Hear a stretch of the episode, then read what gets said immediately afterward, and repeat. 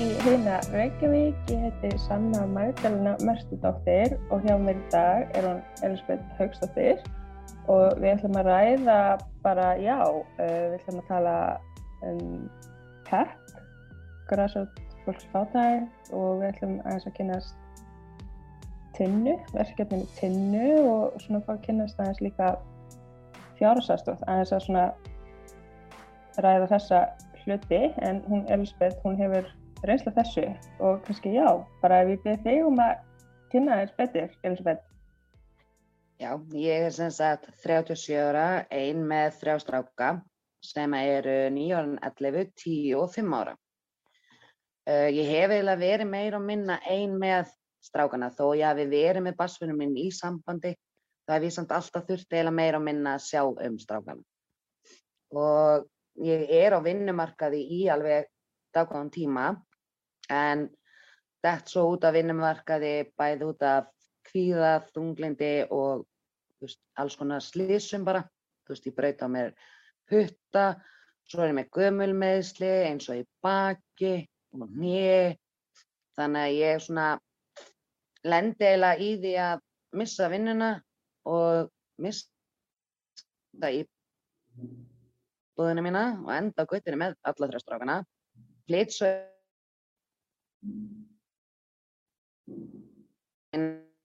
Það er eitthvað að hýtta. Ég lendi í raun og verið í þannig stöðu. Ha, Það er eitthvað að hýtta, eitthvað svona eitthvað le- sé að hýtta. ok, getur verið netið hjá mér, maður Mm. sjá. Ok, það ætti að vera betra en núna netið. Já, já, þú, hvað segir þú, varstu bara á göttunni? Eða Já, eh, ég flutti, já, svona, eða, þú veist, ég flutti til mömmu mínar Mhm, og þar lendi ég sko eiginlega, já, á milli í kerfinu. Ég átti ekki rétt á atvinnustotum, ég átti ekki rétt á, uh, sko, í raun að komast inn í virk strax, uh, ég átti ekki, sangant félag átti ég ekki rétt á neinu þar, sem mhm, er endur ekki alveg rétt, og þetta er sangant lögum en á Íslandi, það mátti ekki vera tekjulus. mhm, Þú verður að hafa allavega einhverja smá tekjur.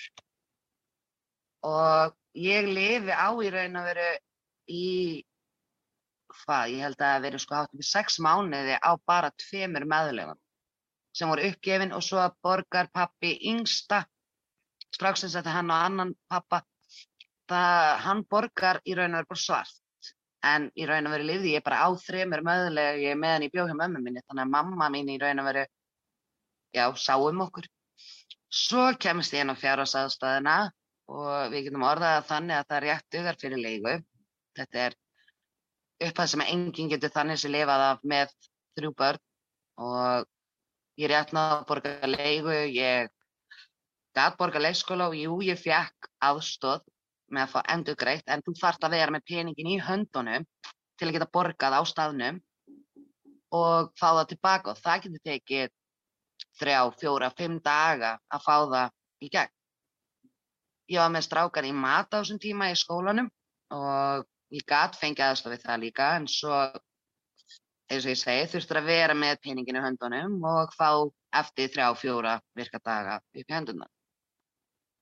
Fjárhásaðstofin í raun að vera, eins og ég segi, er ekki neinn upphæð sem að þú getur lifað með. Ekki þó þú sérstu félagsleir íbúð eins og ég er í, þá samt þetta er ekki nema einhver hundrað hundrað og eitthvað, ég man ekki nákvæmlega og leigan mín var á þeim tíma 80, mhm, þannig að það er bara helmingurinn farin og þá aftur að borga bæði rafmagnið og leikskólan og mat og nesti. Já og raun og verið bara að kaupa allt sem þarf að kaupa. Mhm, ég kem svo í tinnu sem er sem sagt uh, félag sem er fyrir einstæða foreldra. Og er á fjárhásaðstofinni þar á meðan líka.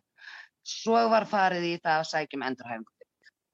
Og inn í endurhæfingunni minni gerði við það þannig að ég var bara í tinnu til að byrja með en færi svo að setja inn í áallina mína að fara inn í PEP þar sem ég kynnist PEP í raun að vera sem skjólstæðingur fyrst, kem inn á daginn og fæ mig kaffi og svo leiðis. Og svo sko byrð ég um þegar að vera endun í að áallana mína hvort ég megi fara niður til þessi sjálfbóðili. og í raun og veru er það bara það besta sem ég veit að ég hafi gert og þarna er fólk í sömu stöð og ég hef verið í fólk að fara í gegnum það sam og ég það getur sett sig í mín fótspor hvað er að eiga ekki fyrir mjölkupotti eða þú veist, nestanda börnunum, svo kemur sparið nesti í endanum á mánuðin og maður er bara, hvað er ég að gera? Ég get ekki, ég get ekki eins og kipt keksbakkur sko, sem kostar 70 krónur. Það er bara ekki til þessi peningur. Mm. Og þau eru að segja nei við börnin að fá að, þú veist, taka með sér nesti sem er, já, ég raun að vera bara skemmtilegt annað heldur en bara brauð með osti að megi ekki fara með pítsur, svona, þú sem ekki geta hýta í hátinu þegar hættu til dæmis í mat eða langlöku, svo komu þeir kannski heim, bara eitthvað þessi er alltaf með svona nesti. Og ég alltaf, ég vildi ég gæti það en, en, en sorry, ég bara á ekki efni á neinu sem heitir auka. Uh, annars sonur minn er til dæmis asmaveikur og þar á lifjónu sinum að hafa hefur ekki þurft reyndra astmaleifi mig í svolítið tíma en er að byrja aftur. Og ég fæ alveg bara svona hvað ég gera því það er kostnæðar við það að vera með barn. Plús að ég er að fara með hann í gegnum greiningu, ekki í gegnum skóla, það er ofurleng byggð fyrir mig. Og eða fyrir mig, fyrir hann í mhm. raun og veru, þegar vanlíðan er það mikill. Og ég er að borga það. Og sem betur fyrir hef ég náða að spara smá með ströggli og get þar með leift mér að fara með strákin í gegnum einhverjegið.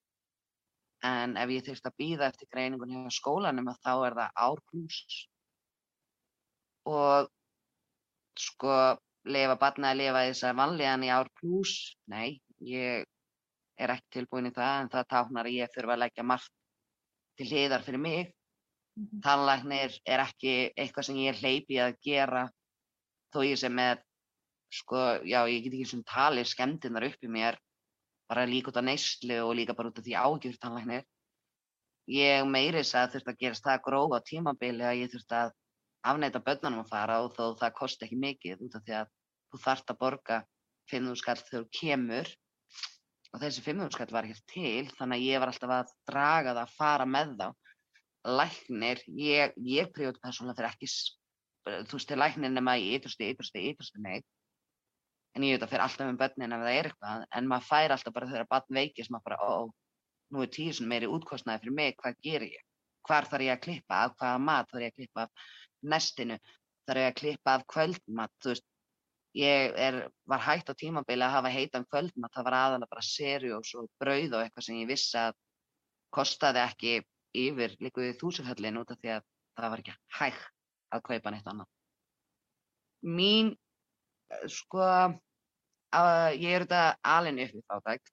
Móði mín vann, hvað, þrjár, nei, fimm vinnur, fjó, já, fjóra, fimm vinnur. Hún var byrjuð klukkan fimm á mótnana og hætti klukkan 7-8 á kvöldina því hún var að bera út blöðin, hún var dagmamma, hún þreif bari, hún var með okkur sýsturinnar, við erum þrjár og svo fór hún að skúra í leikskóla. Þannig að hún var, eins og ég segi, allan liðlangan daginn að. Uh, ég eh, hef líka lendt í það mörgum áföllum og hef ekki haft kostað að vinna úr þeim út af því að sálfræðis aðstóð er ekki hlaupið af að borga sjálf, það er rándýrt. Uh, sálfræðingar að býða frá Reykjavíkuborg eru þetta líka mörg ár í að býða og meðan að þú ert að vinna úr áföllunum en getur það ekki, þá ertu bara fastur á sama stað og eins og að kemur fram í greininni hinni þá lendir ég fyrir árás á mínu eigin heimili. Uh, það er í raun og veru ekki búið að vinna úr því máli þar sem að ég er enn að býða eftir niðurstöðu til dæmis úr kæru. Við kærðum, það var felt frá en við áfrýðum. Hver skiptir segðum að síminn hjá mér ringir þá fæ ég alveg svona hnút í magan og hjartsláttunum verður öra því að eina sem ég hugsa ef þetta er ókunnult nummer eru tveir hlutur endar er er þetta alveg að glæna tilkynna með það að ég hafi lýrli getur bara alveg sleft þessu dæmi eða er þetta badnavendanemt og ástæðan fyrir að badnavendanemt er svolítið svona sterk inn í er út af, ég hef lent ekki til rosalega skemmtilega í þeim. Ég hef lent í að vera nýbúin að fá íbúð, við vorum tekin út úr íbúðinni, sett á vist heimili. Það hefur manniska lýrilega hort á okkur, borða, setið og hort á okkur fyrir aftan bakið á mér. Strákunum mínum er alltaf heyra nefnd og batnavenda nefnd að þá bara fara þær að gráta.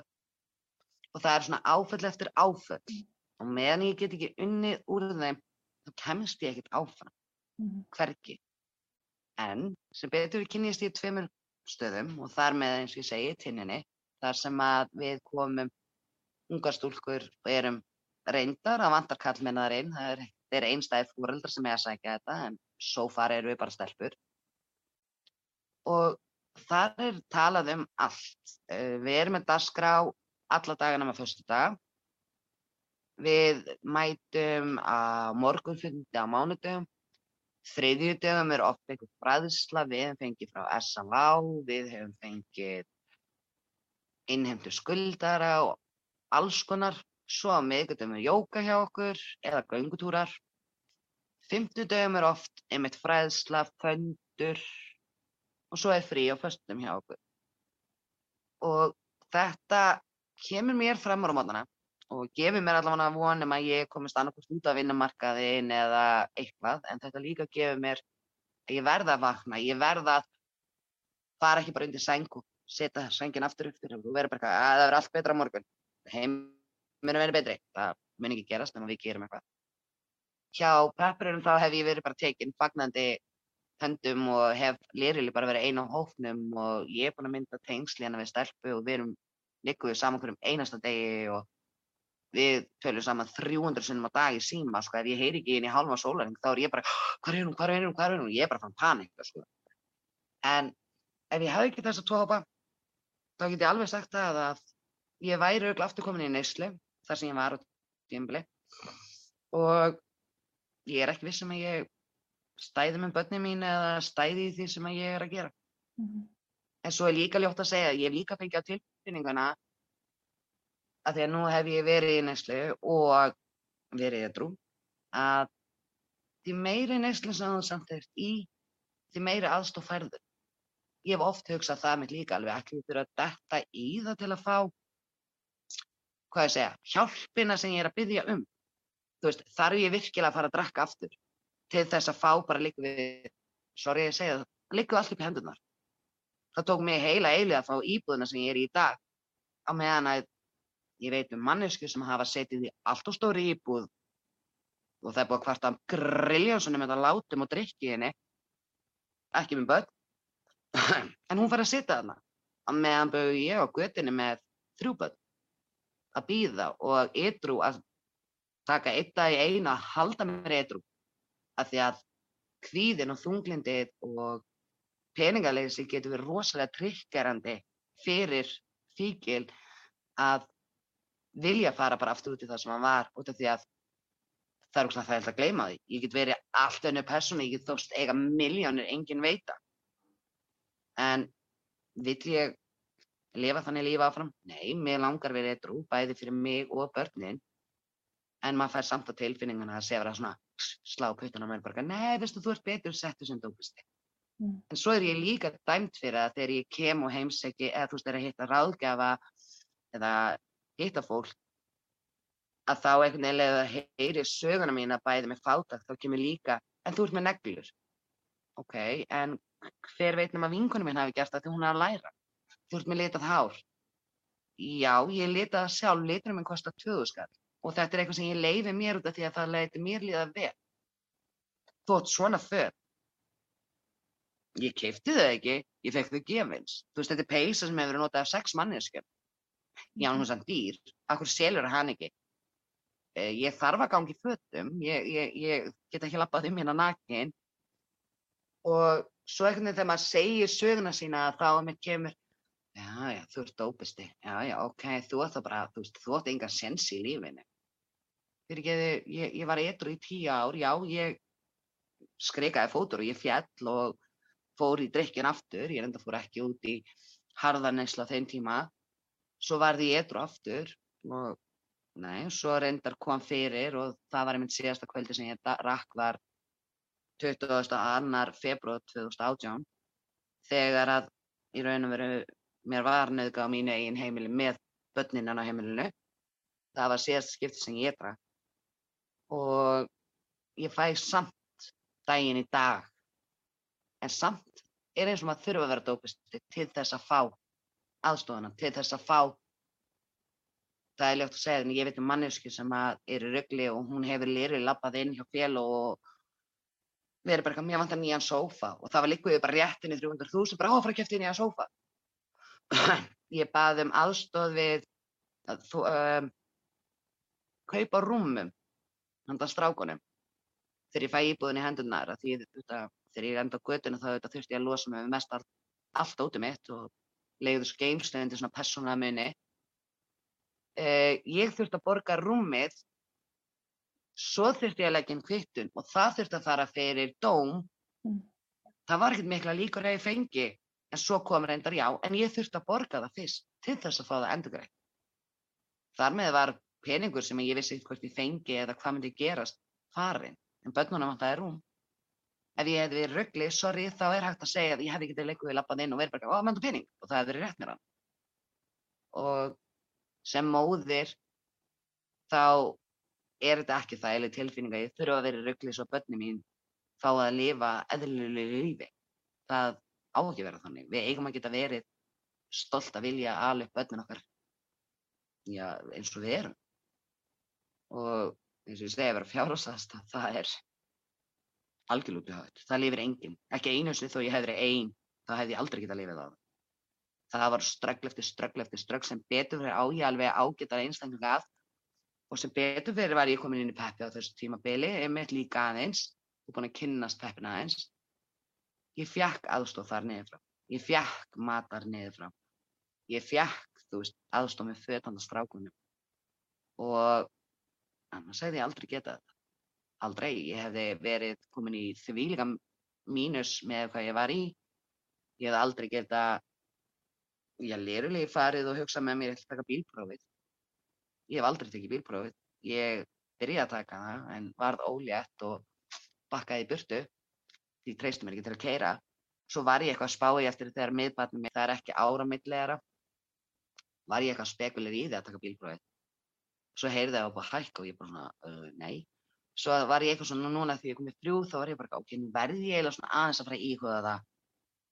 Svo heyri ég hvað upphæðinu var og ég bara svona á ég að hafa efna því að borga þú veist 300-400 þúsund og það er ekki eins og víst að ég nái prófin í fyrsta og þá þarf ég að borga aftur eitthvað 10-20 mhm. skall. Nei. Og ég er eitthvað ekki eins og víst sem ég gæti reykja bíl. Það er bara, það kostar.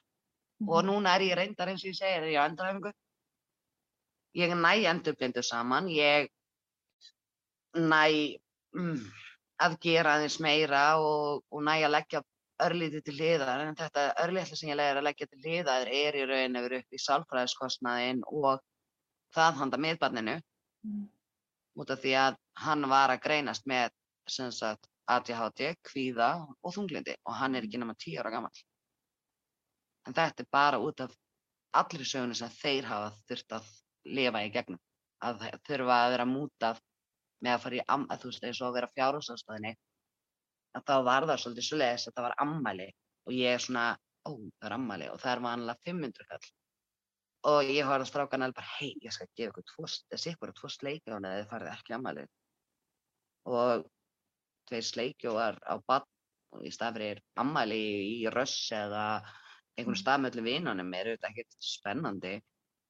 En þeir greina oftast einhvern veginn bara, ok, ekkert mál.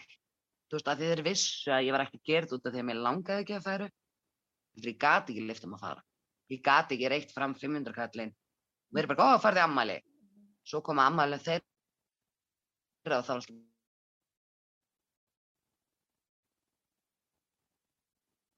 Það er eins og sé eitthvað. Hvað sér þau? Þá dílaði ég upp og þá leiði ég bústaði við þú veist, það er þú veist, það er eins og mhm. ammali þeirra að þá hérna var það svolítið þannig að veist, ég legði bústað með hjálp móðu mínar í viku að það var ódýra heldur en að halda ammæli mm -hmm. lirul í handaböndunum mm -hmm.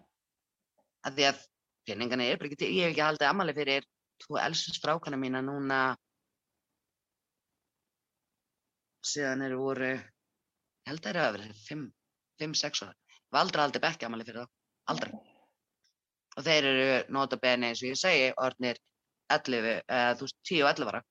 Þeir hafa aldrei aldrei bekkjaramali, þeir veit ekki hvað er að fá bekkin sinni heimsó Mm.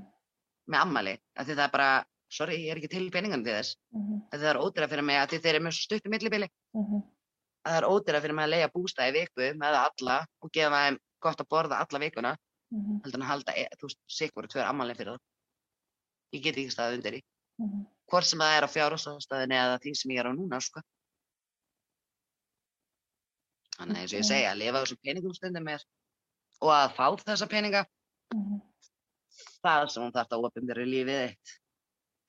En eins og þú byrjaðir á að þú hafir ekki fengið fjárhagsaðstoð strax, að þú veist það hafi komið eitthvað tímabil þar sem varst í rauninni ekki með neitt nema meðlag. Hvað, ég hefði haldið að fjárhagsaðstoð væri með þetta sem þú átt rétt á þegar þú átt ekki rétt á neinu, að þá bara ef það búið að reyna allt, að þá emmitt, þú veist, fólk á bara ekki að vera tekjulust og ef þú átt einhvern veginn ekki rétt á neinu að þá, þú veist, ef þú bara getur ekki unnið og ert emmitt búin að lenda í slesum og allt þetta, að þá væri bara, herðu, hérna er einhver bara sem er tekjulaus og bara getur ekki séð fyrir sér, að þá væri það fjárhagsaðstofin. Hvað hérna, af hverju, maður spyrja, af hverju var það ekki, veist af hverju eða? Mm, þeir töluðu bara um að ég ætti ekki réttindi á þeim að því ég var ekki búin að nýta alla réttindin. sem að er eiginlega ekki alveg rétt. Ég var búinn að reyna, þú veist, ég fekk ekki inn hjá atvinnustofnin út af því að þú veist, það var, gaf alveg auga leið að ég var til dæmis ekki að fara að vinnumarka en miða við mínar greiningar sem er ADHD, þunglindi, kvíði og svo eru aðrar greiningar eins og lesblinda, skrifblinda og tölublinda sem aftur að líka að að ég get ekkert unni við hvað sem er. Og þeir í raun að veru svo prófaði ég virk að það var í raun að vera þannig að það var skemmt út af því að ég þurfti að forgámsraða og eins og ég segi, ég fyrir með stræt og allt.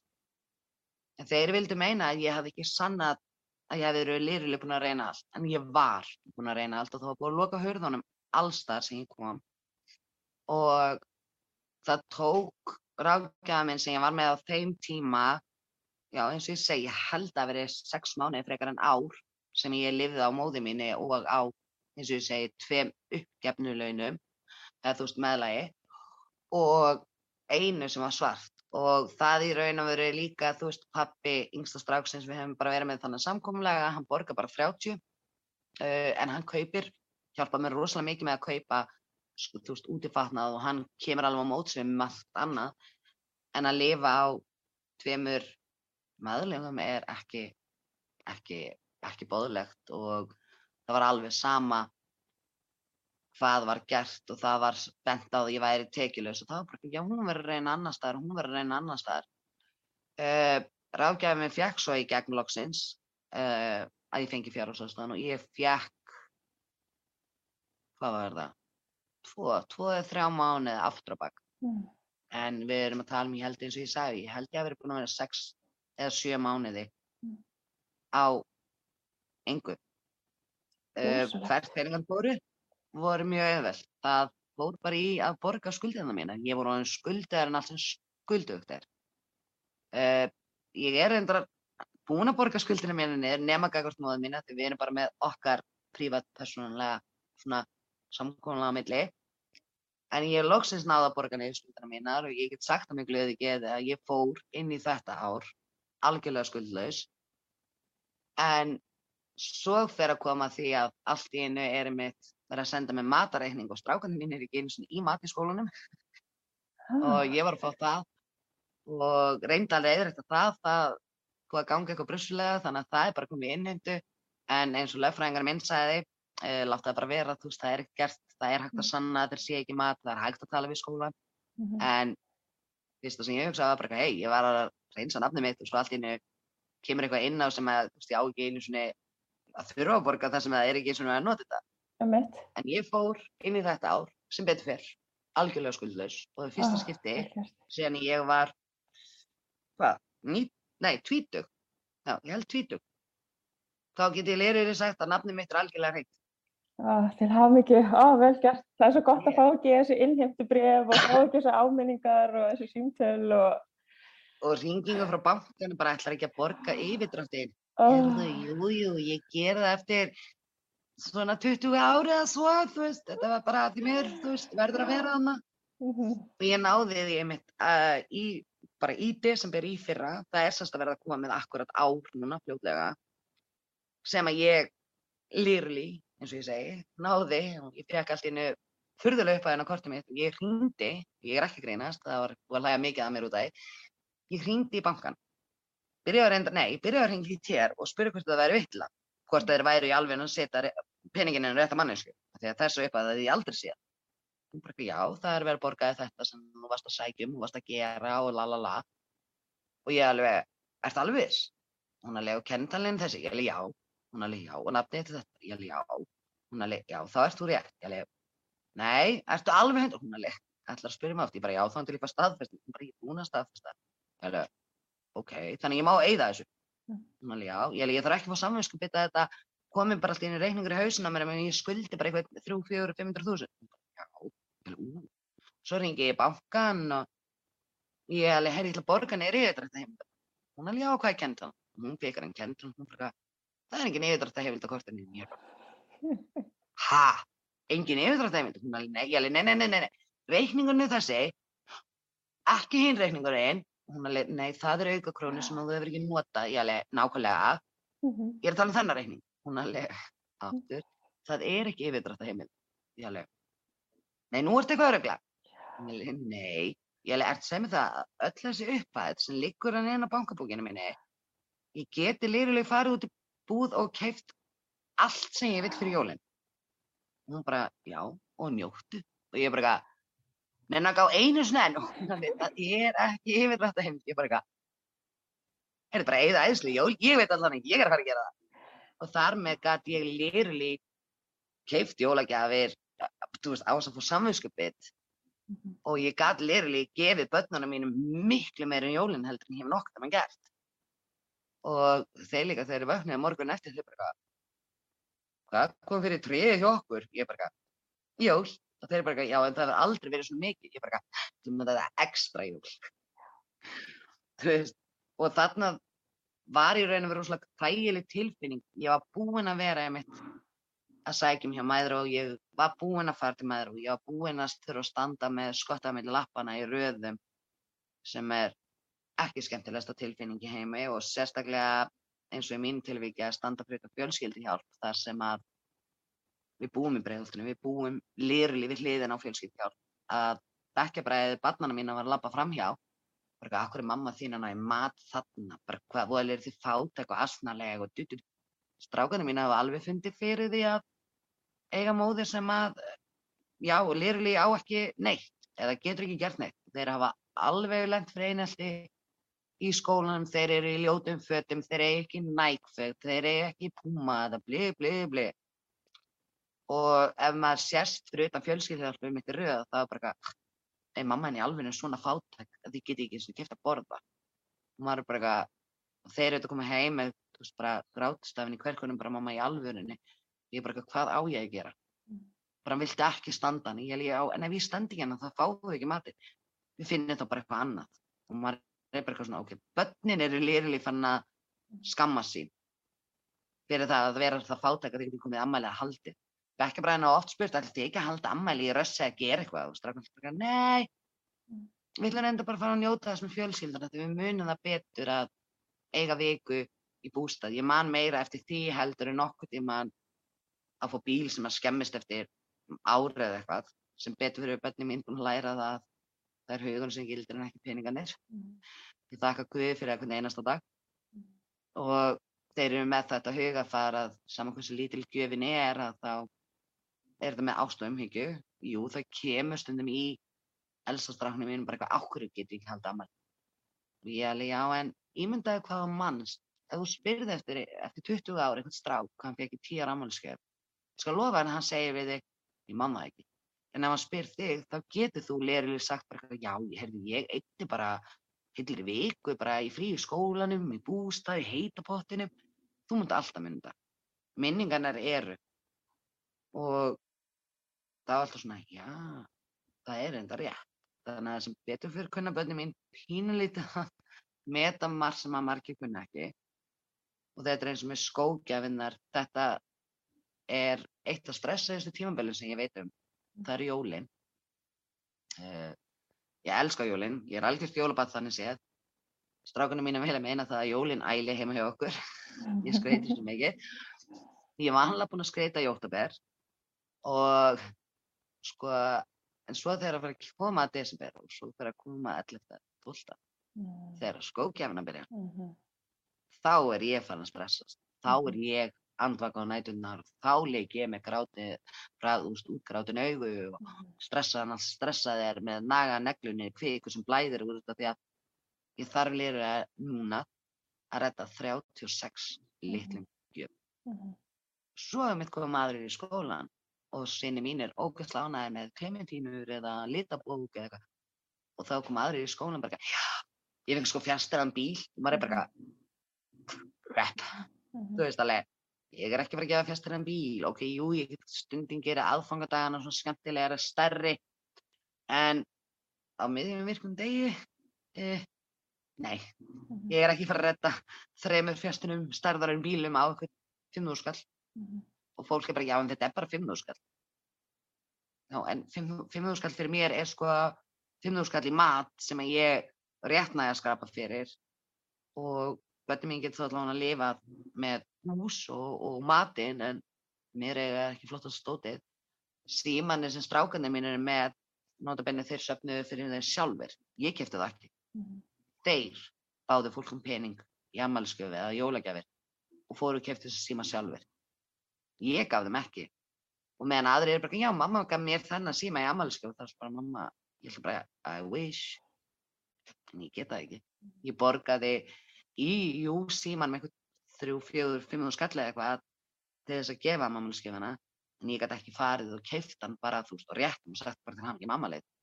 Þeir urðu lirli og þeir unnu sér inn með heimilisverkum. Þeir söfnuðu dósum, tóku dósin sem þeir sá gödunum, tóku dósinu hjá ömmu sinni, tóku dósinu sem voru heima, veist, báðum pening í ammálskjöf og pappi er að borga þér endar mismunin sem að sem sagt upp í, því þetta var ammálskjöfið. En það voru alfarið þeir eiginlega sem sáum að kaupa símón og þeir eru ekkert með dýrust síman, ég held að sími er að hafi kostað 35 Mhm.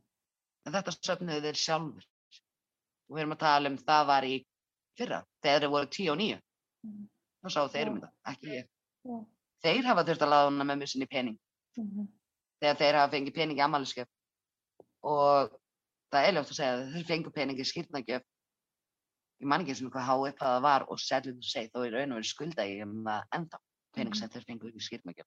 Mhm. Ég þurfti að taka skýrnapenningana hjá börnunum mínum til þess að geta og eins og það myndi mig mitt á þá að við vorum, þegar ég var með bassveðið mínum af tveimur elstu þá segðist að manni ég getur hverju hvort ég var aðdölunarsbótum eða hvað ég var ég minni ég var aðdölunarsbótunum og íbúðin var það dýr en þú vorum að leiða hana svart við leiðum á 130 svo var hún komin upp í 180 þegar ég missa hana. Að hérna við fórum einmitt í fél og vorum að beðja um aðstóð og við fengum nei. Og ég spyr á hverju fæ ég nei? Eftir ég var búin að gefa þeim allar upplýsingar bankareikninga, allt ég var lirur búin að fara úr fötunum þú veist til að sína stærðun á fötunum mínum að þá kom þeir eru hérna tveimur krónum yfir, tveimur eða þreimur krónum yfir tekjumörkum. Ég alveg er ég hvað? Mhm. tveimur krónum yfir tekjumörkum ég bara fyrir ekki hvað á ég að kaupa fyrir tvær krónur. Já. en við fengum ekki aðstöðuna sem við vantaði til að lifa út mánuðin af því að hann Mm. var að vinna og var tveimur eða þreimur krónum yfir tekjumörkum og ég bara já hann býtu, býtu, býtu, þú kaupir ekki fyrir tvær eða þreimur krónur. Nei. já það er bara með með okkar svona, ég alveg býtu eftir sem það ég get ekki keft bleiur eða mjólk eða neitt handa börnunum af því að hann er þreimur krónum yfir tekjumörkum já. Og þá komast það þeirri neðstöðu að ég væri samt betur stödd sem einn Já. bara einstæð móðið með börn. Við vorum samt að það saman og það er ljótt að segja, já við fórum í gegnum kerfið, við Mhm. svindluðum á því, en þetta var eina gætum gert. Mhm. Og það var allir, svo hef ég alltaf fengið hér, ó þú ert svo að þú ert einstæð maður fyrir alla aðstu sem þú veist. Mhm. Nei, nei, nei, nei, nei, nei, skulum hafa það þar heina, ég fæ ekki alla það aðstof sem ég veit. Mhm. Ég þarf lérið að standa með skott á milli lappana til að fá aðstofið að gefa bönnum að borða sem á ekki að þurfa. Ég get ekki haldið ammali fyrir bönnum mín, ég get ekki kæft nýjustu flíkunarhand bönnunum mínu. Uh, hvað fæ ég svona æðislegt eins og að, þér að tala um? Ég, þú veist, þú fær styrk frá mæður og já, en veist hvað er nýðulegandi sorrið að segja það, þurfa að opinbera lífsitt úr bankareikninga, þú veist, fyrir öðrum. Þú veist, vinkonum ég fekk að heyra að hún fór til, hérna, mann sem var svona að skoða að en án eitthvað. Hún hafði sagt gert sér og dóttir sinni glaðan dag inn á eilstöðum og keipti eitthvað svona tilbóðsett, hvort það var eitthvað tvöðuskall. Mhm. Og hann bendir á það lirulega og segir, akkur varst það þessu? Því þetta var á matsölustað. Þetta var tvöðuskall sem hún leiði sér á barninu og hún skipti eitri máltíð á millið þeirra. Mhm. Þetta var ekki tvær máltíðir en eitt svo leis. Þetta var pínlítið máltíð sem kostiði skína 200 krónur og hann fussaði yfir því og hún ætti ekki að gera þetta. Og maður bara svona býtu, en við þurfum að borða alveg sama í hvað formið það er. Mhm. Þú hlýtur að mega einu sem leifa þær að panta eina pítsu og leifa fólki að njóta. Nei, það er greinilega bannað því þá ertu alveg, þá ertu ekki, þá ertu lýrilega ekki að, að þú veist vanda með peninga. Þá þarf fólk, má ekki gera neitt, það má ekki, Nei. þú veist, það má ekki, Við meðum hérna- ekki, Mhm. nei, við meðum ekki vera með neglur, við meðum ekki vera, ég er með sex tattoo, Mhm. uh, ég hef alltaf fengið mjög slæmt auga við það. Uh, fyrir þá það að það kemur oft upp fólki berga að þetta oftar er ljótt þegar þannig eldri, I don't give a fly út af því að ég verð kruppið og er tattoo minn kruppið með mér. Mm. En ég fæ alveg bara, ef hún getur verið með tattoo, þá lítur ekki að geta mat. En það gerir sem engin grein fyrir því hvað maður er þá búinn að sapna kannski eða hvort að maður, maður var að gefi þetta, einhver hefur verið góði, bara hei, ég ætla að gefa henni ammælskef, tattoo, þú veist, Mhm. eða þú veist með gat í nefinu. Já, þú veist ekkert hvort að, þú veist, vinkonum mín var að læra að gera göti eða hvort að móði mín gaf mér eða ammælskef eða hvernig ég fekk gatið. Þú veist ekki hvort ég lappaði inn og borgaði það sjálf. En maður er dæmdur að því að maður er ekki gangandi um í streifabúku. Það er ég ekki fátæk. En svo kemur líka, já, en þú ert með íbúð. Já, en fyrirgefðu, ég get ekki leift mér neitt. Ég get, ég get ekki farið út í búð eins og þú og keift mér þú veist, busta af því bara, þú veist, ég Mhm. þæljastu krónu sem ég er með Mhm. og í endanum ánum þá er það slæmt að maður er alveg bara, ok, ef að við drekkum tvo sopa mjölkin í dag, að þá eigum við þrjá sopa morgun, það er ekki einu svona þægilegt og börn finna óbúðslega fyrir þessu og börn kveikja perinu, strákan hjá mér eru til dæmis á tímabili, þeir voru hættir að mig vita það var ammali, Þú veist, oft sá ég með hann bara töskunni, því þeir vissu hvað svarið, svarið yrði, þeir vissu að ég myndi mútaði með ykkur þegar ég fór að vera eldri.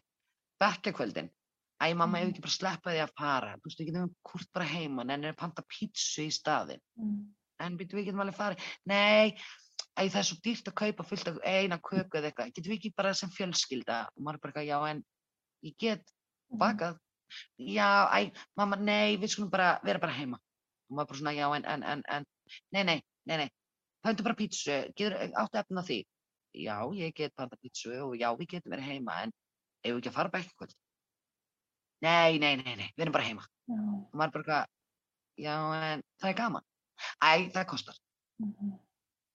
með böll í skólanum, peysufattadagur, það er peysufattadagur í skóla núna, Mm. ég ætla að vera ókslega góð við strákan í gær, Mm. kaupa jólapeysu, ég horfði á peysunar og ég er bara svona, e, Mm. nei, ég á ekki alveg kannski þó ég eigi peninga akkurat í augnablikinu og get sagt að mér stolti að þetta er svona eiginlega þægilegustu jóluna því ég fæ aðstóð hjá mæður á, Mhm. að ég horfði á peysunni, ég bara, e, ég er Mhm. tilbúin til að borga 6.000 skall fyrir tvær peysur sem þeir nota einu sinni Mhm. og eru vaksinni upp úr því eftir kortar. Þannig að ég bara, Mhm. hefnilskannar, þið er bara til miður. Já. Það er því, miðbarninu, ég ætla að fara bara með jólasunahúi. Já, Já. það er til inn í skáp. Það er bara, ok, og hann gett sáttur og maður er bara svona, uh, allir aðrir í peysum og hann eitthvað eitt með mjög snáða, aðsnaðlega húi sem er að skemmast, bara gett sátt við lífið. Og maður er bara svona, Ég viss, I can do better for you, but, but no.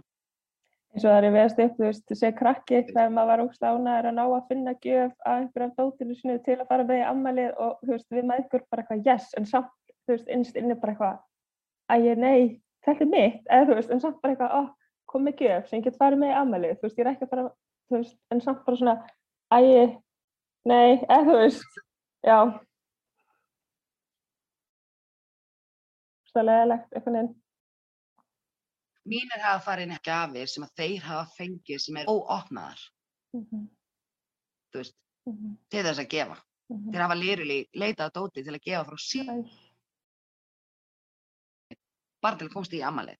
En svo Mhm. þegar að bóðga minn, þú veist, með að vera að gefa dót sem er ekki merkilegt. mhm, mhm. Og eins og maður hugsaði með sér bara eitthvað, þú átt ekki. Og svonu minn hefur lirili labbað að mér þessi elsta þegar hann að safna pening og hann hefur sagt við mig bara hei, mamma, ég skal kaupa þetta bara. Og hann er bara "Mm, nei, nei, ástu mín, þetta er alltaf lægi, ég bjarga þessu.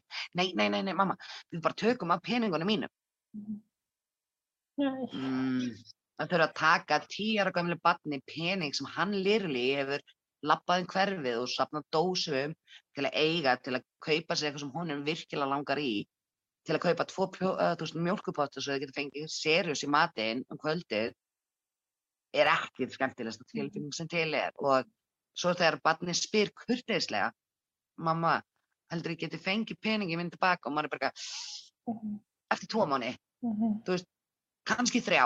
Ég þarf, aðeins að, þú veist, ég þarf að telja, þú veist, peningana mína. mhm, Eða bara, hei mamma, megu við fá langlöku í nesti. Af því það er allir að koma með langlökur. Maður bara, eitthvað, mhm, svo alveg spari nestinu. Bara, eitthvað, mamma, þú veist, getur keft sikkot kekspakkan, þú veist, og ég Mhm. megi fara með þegar það koma allir með. Og maður bara, eitthvað, nei, þið verða að skipta á milli ykkur einu kekspakka. mhm, Þú veist, að ég náði að kaupa hann. En svo er nefnilega, eru þeir svo mikið krútt þessar elskur og geta sett sig, þau vera með þur rosalega mikið spór, hvað er eiga ekki. Að þeir hafa lirili gefið af nestinu sínu til barna sem að nótabeginni hafa ekki verið með nesti í skólanum. æ, Þá hafa þeir og þeir hafa komið heim bara eitthvað, mamma, ég hérna, borða ekki allt nestið mitt, ég er eiginlega pínu svangur. Og hann vil bara býtu, en þú varst með alveg ágætt nesti. Æ, hann hérna, þessi strákur, hann var ekki með nesti. Já, ok, og lest hann hafa. Já, ég, ég vildi ekki borða báða pítsunar mhm, af því ég setta pítsunum og þannig að hann var ekki með, þannig ég let hann hafa eina. Og maður bara svona, ok, ég verð að gera eitthvað til þess að veluna barni fyrir góða, veist, mhm, umhugsun. En samt get ég ekki veluna barnið fyrir að hugsa svona, þannig að þú veist, það er alltaf ok, ég á eina fyrir að setja pítsu, þú mátt ná í hana. En það, má ég borða eina aukalega? Og maður bara, já, ok, ok.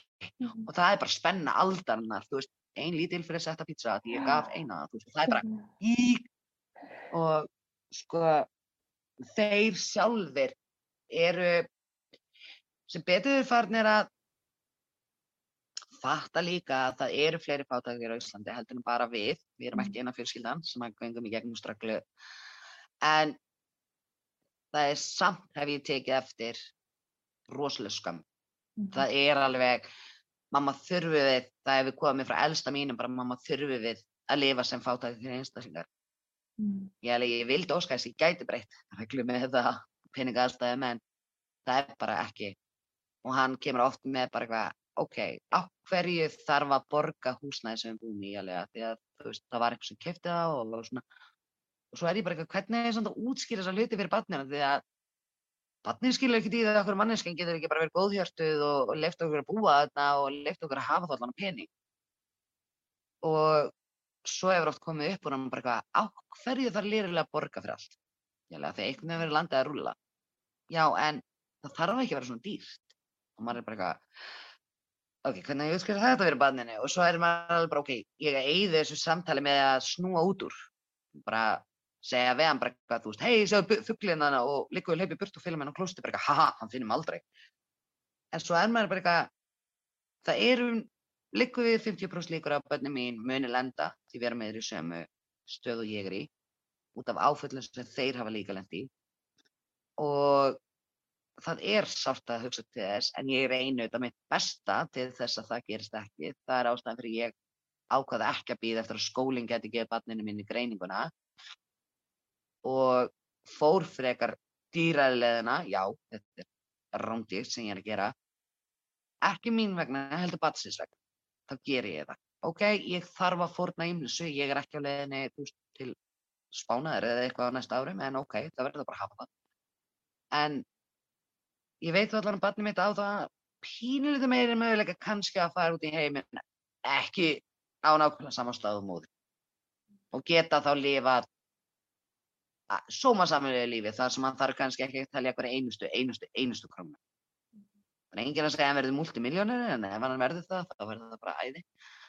En hann þurfi ekki að lirulega að horfa honni veski bara eitthvað á ég á tvær krónur til að lifa út mánuðin og það er kannski bara 8. 9. 10. Mm -hmm. og maður ég man ennþá daginn eftir líka daginn dag hvernig hann standin í búð með kortið í höndunum og hugsa ok, please ekki koma sinnin please ekki Mhm. koma sinnin út af því að skömmin er óbúðslega mikið að fá sinjan á korti með við erum að tala um kannski, og ég skilna mér varst minni skömm þegar ég var með stútfull af körfuadóti mér varst, ég veit ekki okkur mér varst aðeins minni skömm að fá ekki heimild á það Mhm. en þegar maður var kannski með eitt bleipakka og eina mjólk stóðmjólk eða venjulega mjólk eða whatever og það kom ekki heimilað að maður er bara svona sökk og mann er langaði lýrli að hverfa af bara plánutun út af því að skömmin að geta ekki keft eitt bleipakka og eina mjólk og fá ekki heimild og það er ekki nema 8. 9. eða 10. og maður bara svona hei, hm, kortu lítur að vera eitthvað gallað Bara ég var veist, ég bara að hversu millifæra áðan, kannski bara er Já, ekki komið í gegn, bara eitthvað, hm, byrju, ég ætla aðeins bara að fara að koma er aftur bilað skoða hérna. Já, ég kem, ég kem eftir, eða en ég ætla að fara að ná í hitt ég tók vitlust kort, ég veit ekki hversu maður er búin að, ég held að maður sé orðinn snillingur að ljúga því hvað var að kortinu hans. Svo lapaði hann með þetta út úr búðinu bara eitthvað, fokk, ég held ég ætti tvöðuskall, svo opnum Mhm. að bankan. Nei, þá kannski hefur bankin tekið sem hann gerir, og líka hvernig sem honum hendar, einhvern þrjúðuskall líka fyrir. Mhm. og maður er bara eitthvað, við, við, af hverju gæti ég gert þetta í byrjun á mánuðinum í stað fyrir miðjum mánuðinum þegar ég er búin að plana, þú veist, ég lýri líkt hel hvað ég get keift og hvað ég get ekki keift Mhm. Og svo allt í henni kemur, ó, þú skuldað tvöðu skall í, Mhm. þú veist, fæslugjöld eða posagjöld. Og maður er bara eitthvað, þetta var, þetta, ó, og það var alltaf, já, herðu, hérna, þið vitlu steppikorti, hérna, ég, ætla að fara út í bíluna í hipp, svo þetta bara, þetta með sér hverfa, eða bara eitthvað, að, millifærslan er ekki að fara í gang, en hérna, já, það er ekki með neti, ég ætla bara, ég ætla bara heim á millifæra, Mhm. og vandinn er, og svo kemur maður kannski tvei myndum setna þegar maður hefur náða að redda peningunum, og nákvæmlega saman starfsmæðurinn á kassa. Og það er ljótt að segja en starfsmenn muna, ég hef sjálf unni í búð, starfsmenn muna. Og ég reyndi að passa mig á því út af því ég veit hvað er að vera í svona spórum, ég dæmdi aldrei neitt, ég bauði alltaf bara góðan daginn. En hvað veit ég nema þau standa og horfa á mig bara eitthvað, really? Þú veist, okkur komst ekki sama daginn og þú sagðist alltaf koma, skilur þú veist, þú lítur alveg út fyrir eiga peningin, en samt lestu þau bara hverfa og kemur þreymur dögum setna bara eitthvað, sömu hlutunum bara eitthvað, borga, þú veist. Og eina sem maður hugsa er bara eitthvað, þú veist ekki stöðuna mína. Ég get, ég get sett upp hvaða front sem er, ég get, ég get, ég get greitt að mér hárið og mála mig og fólk heldur reyndar að ég svo oft að mála mig að gera fyrir það en ég er ekki á því, ég er að gera það þegar mig langar það. En ég get alveg sett upp hvaða front sem er og þóst eiga miljónir og lappa svo bara inn í pínlítinn kofa. En ég ég er heldur ekkert að auðlýsa það hvað ég á eða hvar ég stend út af því að skömmin er og hún á ekki, við eigum ekki að þurfa að skama okkur- okkur fyrir eitt og neitt sem við gerum í lífinu. Ég á ekki heldur að þurfa að afsaka það Mhm. ef ég gef strákunum minn tyggjapakka í búð. Mhm. Ég á ekki að þurfa að afsaka það út af þú veist, eða þá ég hitti manneski sem veit stöðunum minn, af hverju kiftir það? Mhm. Af því að ég átti smá pening og ég fekk smá auka pening, þannig að mér langaði að gefa, þú veist, bara nota hann upp í þetta. Ok, perði má ég ekki, þú veist, gera svona, hei, þú ert rosa dugleg, klappa aukslina, þú mátt fá tyggjapakka. Nei, þú mátt hvað það greina heldur ekki, því það er rifið niður. Þú náður að kaupa tyggjapakka, þá hlýtur að geta keift, tekið bílpróf, sem kostar 300-400 þúsund. og maður er bara svona í alvegurinn en þetta er það er, það er hár munun á milli en fólk sem þið vera með eiga peningana sjá þetta ekki og það er ljótt að segja þeim þegar ég heyri það er líka rosalega pyrrðan með þegar ég heyri að það er ekki til fátakt í Íslandi. Það er engin fátakur í Íslandi það býr enginn á guðun á Íslandi.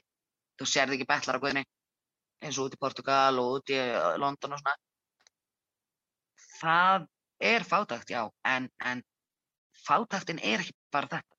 Fátaktin er það að þú lifir hvert mánuð peipi, þú veist bara í raun og veru hvert mánuð bara á litlu launum og þú lirulig bannar hvað sem er. Þú, þú veist, þú leifir ekki þú veist, brosa fyrir mig er ekkit rosalega veld eins og ég sagði á hann að ég fór til tannlæknis nokkur sinnum og létt takk út mjög axlaða núna er ég búin að treyna það í þó nokkuð langan tíma að fara og ég er eins og ég segi, ég get allavega talið eina, tvær, þrjár, fjórar staðir sem þarf virkilega að gera við ef ég ætla að virkilega geta að nota jólana hef ég efnaði? Nei mun ég geta gert það fyrir jólin? Nei mun ég geta gert það eftir jólin?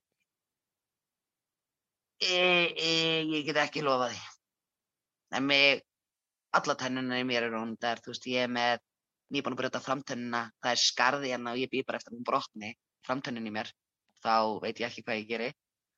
Það er alveg gati hérna aftast og það er alveg allt hérna meira meina ónýtt og þetta er bæði út af, já ok, út af neyslu, en líka bara út af peningarnir vaks ekki á trjám sem ég lappaði inn í tannlæknin og sagt bara hei, ég vil láta gera við þetta. Mm -hmm. Það var metið munnin á mér ég let með ekkert um hvað myndi kosta mig að gera við allt, allt upp í mér. Uh, Læknin horða mig og sagði við mig að þetta færi ekki undir miljón. Það væri um miljón sem ég þurfti að borga. Og þá erum við að tala um, það er einhverja tennir sem er ennþá heilar. Mm -hmm. Við erum að tala um að það er alveg nokkrar og neðri, neðri kjálkinu á mér er ekkert basically ekki eins og efri kjálkin. Mm -hmm. Að hann er ekki eins og illa farin en þetta verður ekki undir miljón. Wow. Ég er ekki að fara að reyða frá miljón til að láta mm. laga þetta. En það er líka táknar að ég brosa eins minna með brosi sem er sérst tennundar á mér. En þegar að börni mín voru fórt í talaninu sem mitt og ég borgaði hennar 5 skall.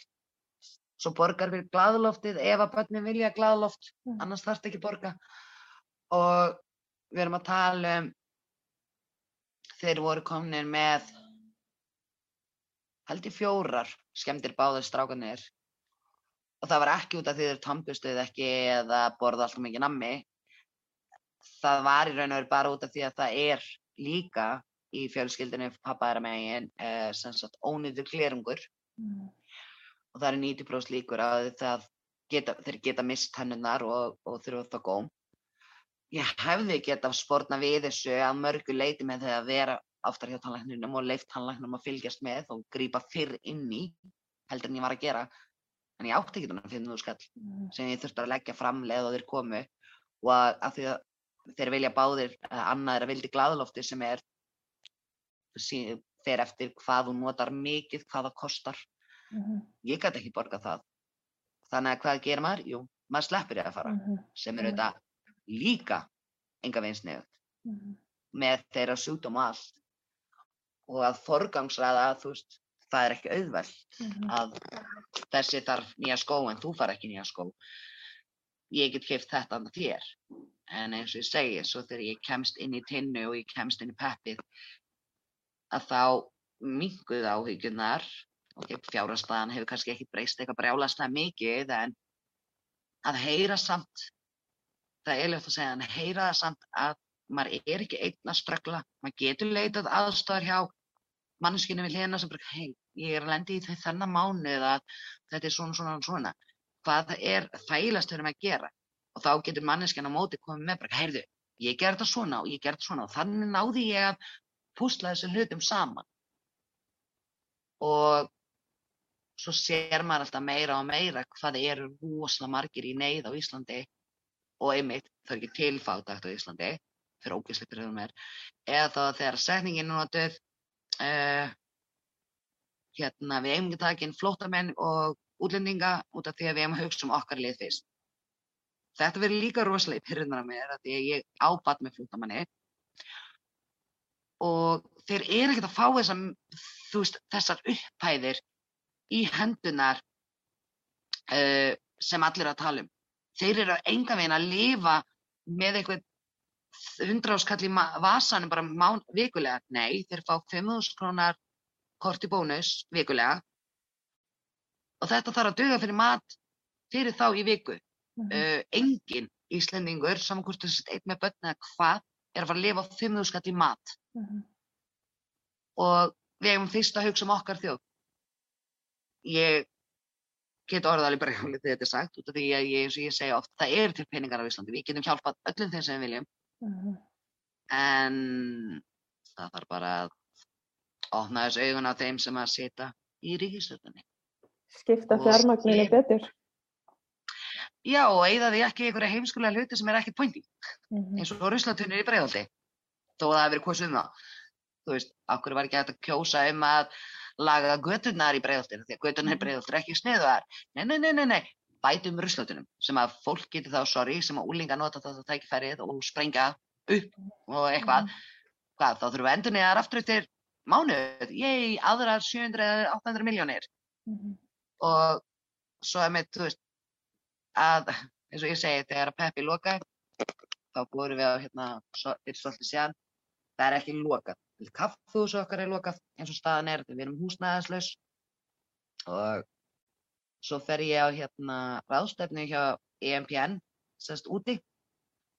Og hefðum sérst aftur verið út í Brussel, en, COVID, eiginlega það, og hérna, svo fórum við með svona uppistand og við ákveðum að fara niður mjótt. Mhm. og þar einmitt lendir ásta yfir maður okkar í því að það lappar maður að henni.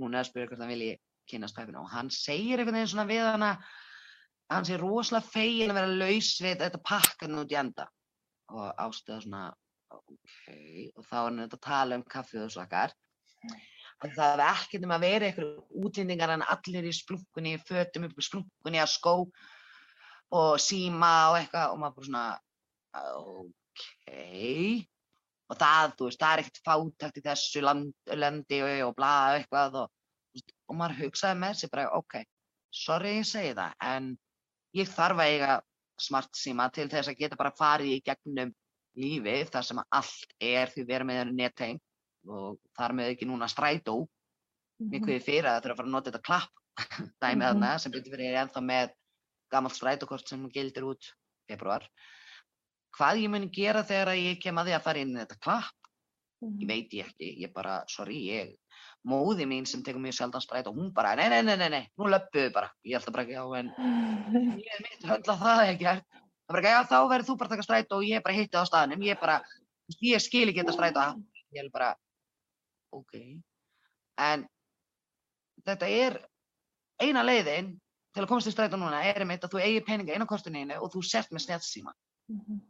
það hafa ekkert allir efni á snjálfsíma það hafa ekkert allir peningin á kortinu. og við erum lýrilega stundum að skrapa saman síðustu krónunum okkar til þess að koma í strætó að því við gáttum borga með klinki núna getur ekki eins og borga með klinki þarna er strætó líka að setja fátaka einstaklinga gamalt fólk, fatlað fólk algjörlega út í hot við eigum ekki að fá að ferðast það. Er verið að loka okkur heima og slá upp pittan okkur og segja þið eigi ekki að hreyfa ykkur. Þið eigi ekki peningar fyrir strætónu whatever. Það kostar 450 krónur í strætó. Hef alltaf- 490 eða 400, já, eða hvað? 490 eða Þau eru alltaf 450 að hækka, maður getur ekkert fylgst með já, þessu. já, nei, ég er löngu hægt að fylgjast með. Og ég hef leift mér að kaupa þryggjamannakort, já það kostar sitt en við erum að tala um það eins og ég segi, ég nota strætó allt, ég fer Mhm. ef ég fyrir sömambústu með strákana þá fer ég inn í hverjargerðar með strætó með dótið og við erum að fara í viku. Þú veist uh, það er liruli allstar verið að bóla fólki sem á ekki peninga út. Mhm. ef þú átt ekki snjálfsíma þá getur ekki ferðast með strætó. Ef þú átt ekki peningin á strætókortinu þá getur ekki ferðast til strætó. Uh, þú getur ekki pantaði tíma hjá lækni leiku við nefnum að vera með snjálfsíma þú þurft að gera það gengum heilsuver uh, fyrir utan það að læknar því vera með kosta ágætlega mikið en á Íslandi. Uh, þú þarft að neyta þér um alls konar þjónustu út af því að þú átt ekki efni að kaupa þér snjálfsíma sem að getur lýrili tekið við forritunum. Af því þú getur ekki, og það er allir bara, já, þú kaupir bara ódýrasta. Nei, það er nema vandinn. Þú Mhm. getur ekki heldur keift ódýrasta og því að hann fyllist á endanum og hvað gerur þá? Þá ertu honum skrút aftur. Þá ertu að fara að kaupa þér stærri síma sem getur tekið meira, flóknari kerfi. Það er lýrilega verið að setja fólk sem er láttengt eða einhver staðar á félagslega bótum eða á endurhefingu eða örörku eða eitthvað algjörlega út í hot. Og ekki reyndar bara þannig fólk, líka vinnandi fólk út af því að það á ekkert efni á nýjustu, flottustu símanum alltaf, Mhm. þú veist. Eins og ég segi, við endum alltaf og svo kemur alltaf í fólki líka, en þetta er svo lítill hluti. Þetta er ekki lítill hluti. Mhm. Það er bara ekki stór hluti sem hann kannski stígur fram og lætur vita af því. Mhm. Og það særi mann að maður þurfi lirulega að berjast fyrir hverju krónu sem maður ætlar að nota. Það særi mann að get ekki veitt börnunum sínum það sem maður vill, þó það sé ekki nema bara lámarks dæmi. Og það særi mann að þurfa alltaf að segja við vinkonunnar sem er að fara kaffu og sem eiga eitthvað af peningum. Nei, veistu, ég held ég kom ekki með núna. Mhm. og það er alltaf bara, jú, þú veist eitthvað og svo enda maður að kaffu og svona hvað maður fær sér vatn jei, að maður allir aðri að fá sér langlökur eða samlökur eða svona eða kaffi eða, þei, eða, þe eða þetta og maður er eitthvað með einn með vasklas bara, eitthvað, ég glemdi kortinu heima. Bara, eitthvað, ég get lánaði ha, nei, nei, nei, ég hérna, man ekki man ekki hvernig ég á milli færa því ég er ekki með netið. Maður er á einlega snillingar að ljúa öllu. Mhm.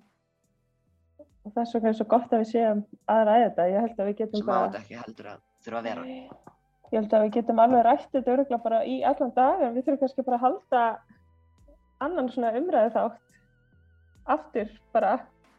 En hérna, ég bara þakka að kella fyrir að ræða svona heiðarlega við okkur um þetta þetta. er mál og þú mátt ringina sem er að það er Mm. Þetta er hérna, já. Það er svona eins og að sé kannski smá að, að högta þarna í, í og eins og ég segi, ef það er eitthvað já. Já, getur verið neti, ég er, þetta, er á vinnu, ég get sínt þér það, ég er inn á vinnusvæðin okkar sem, sem ég er líka verkefn. Mm. En við bara hverjum úr hinni Reykjavík í dag og þekkum Elisabethu kærlega fyrir.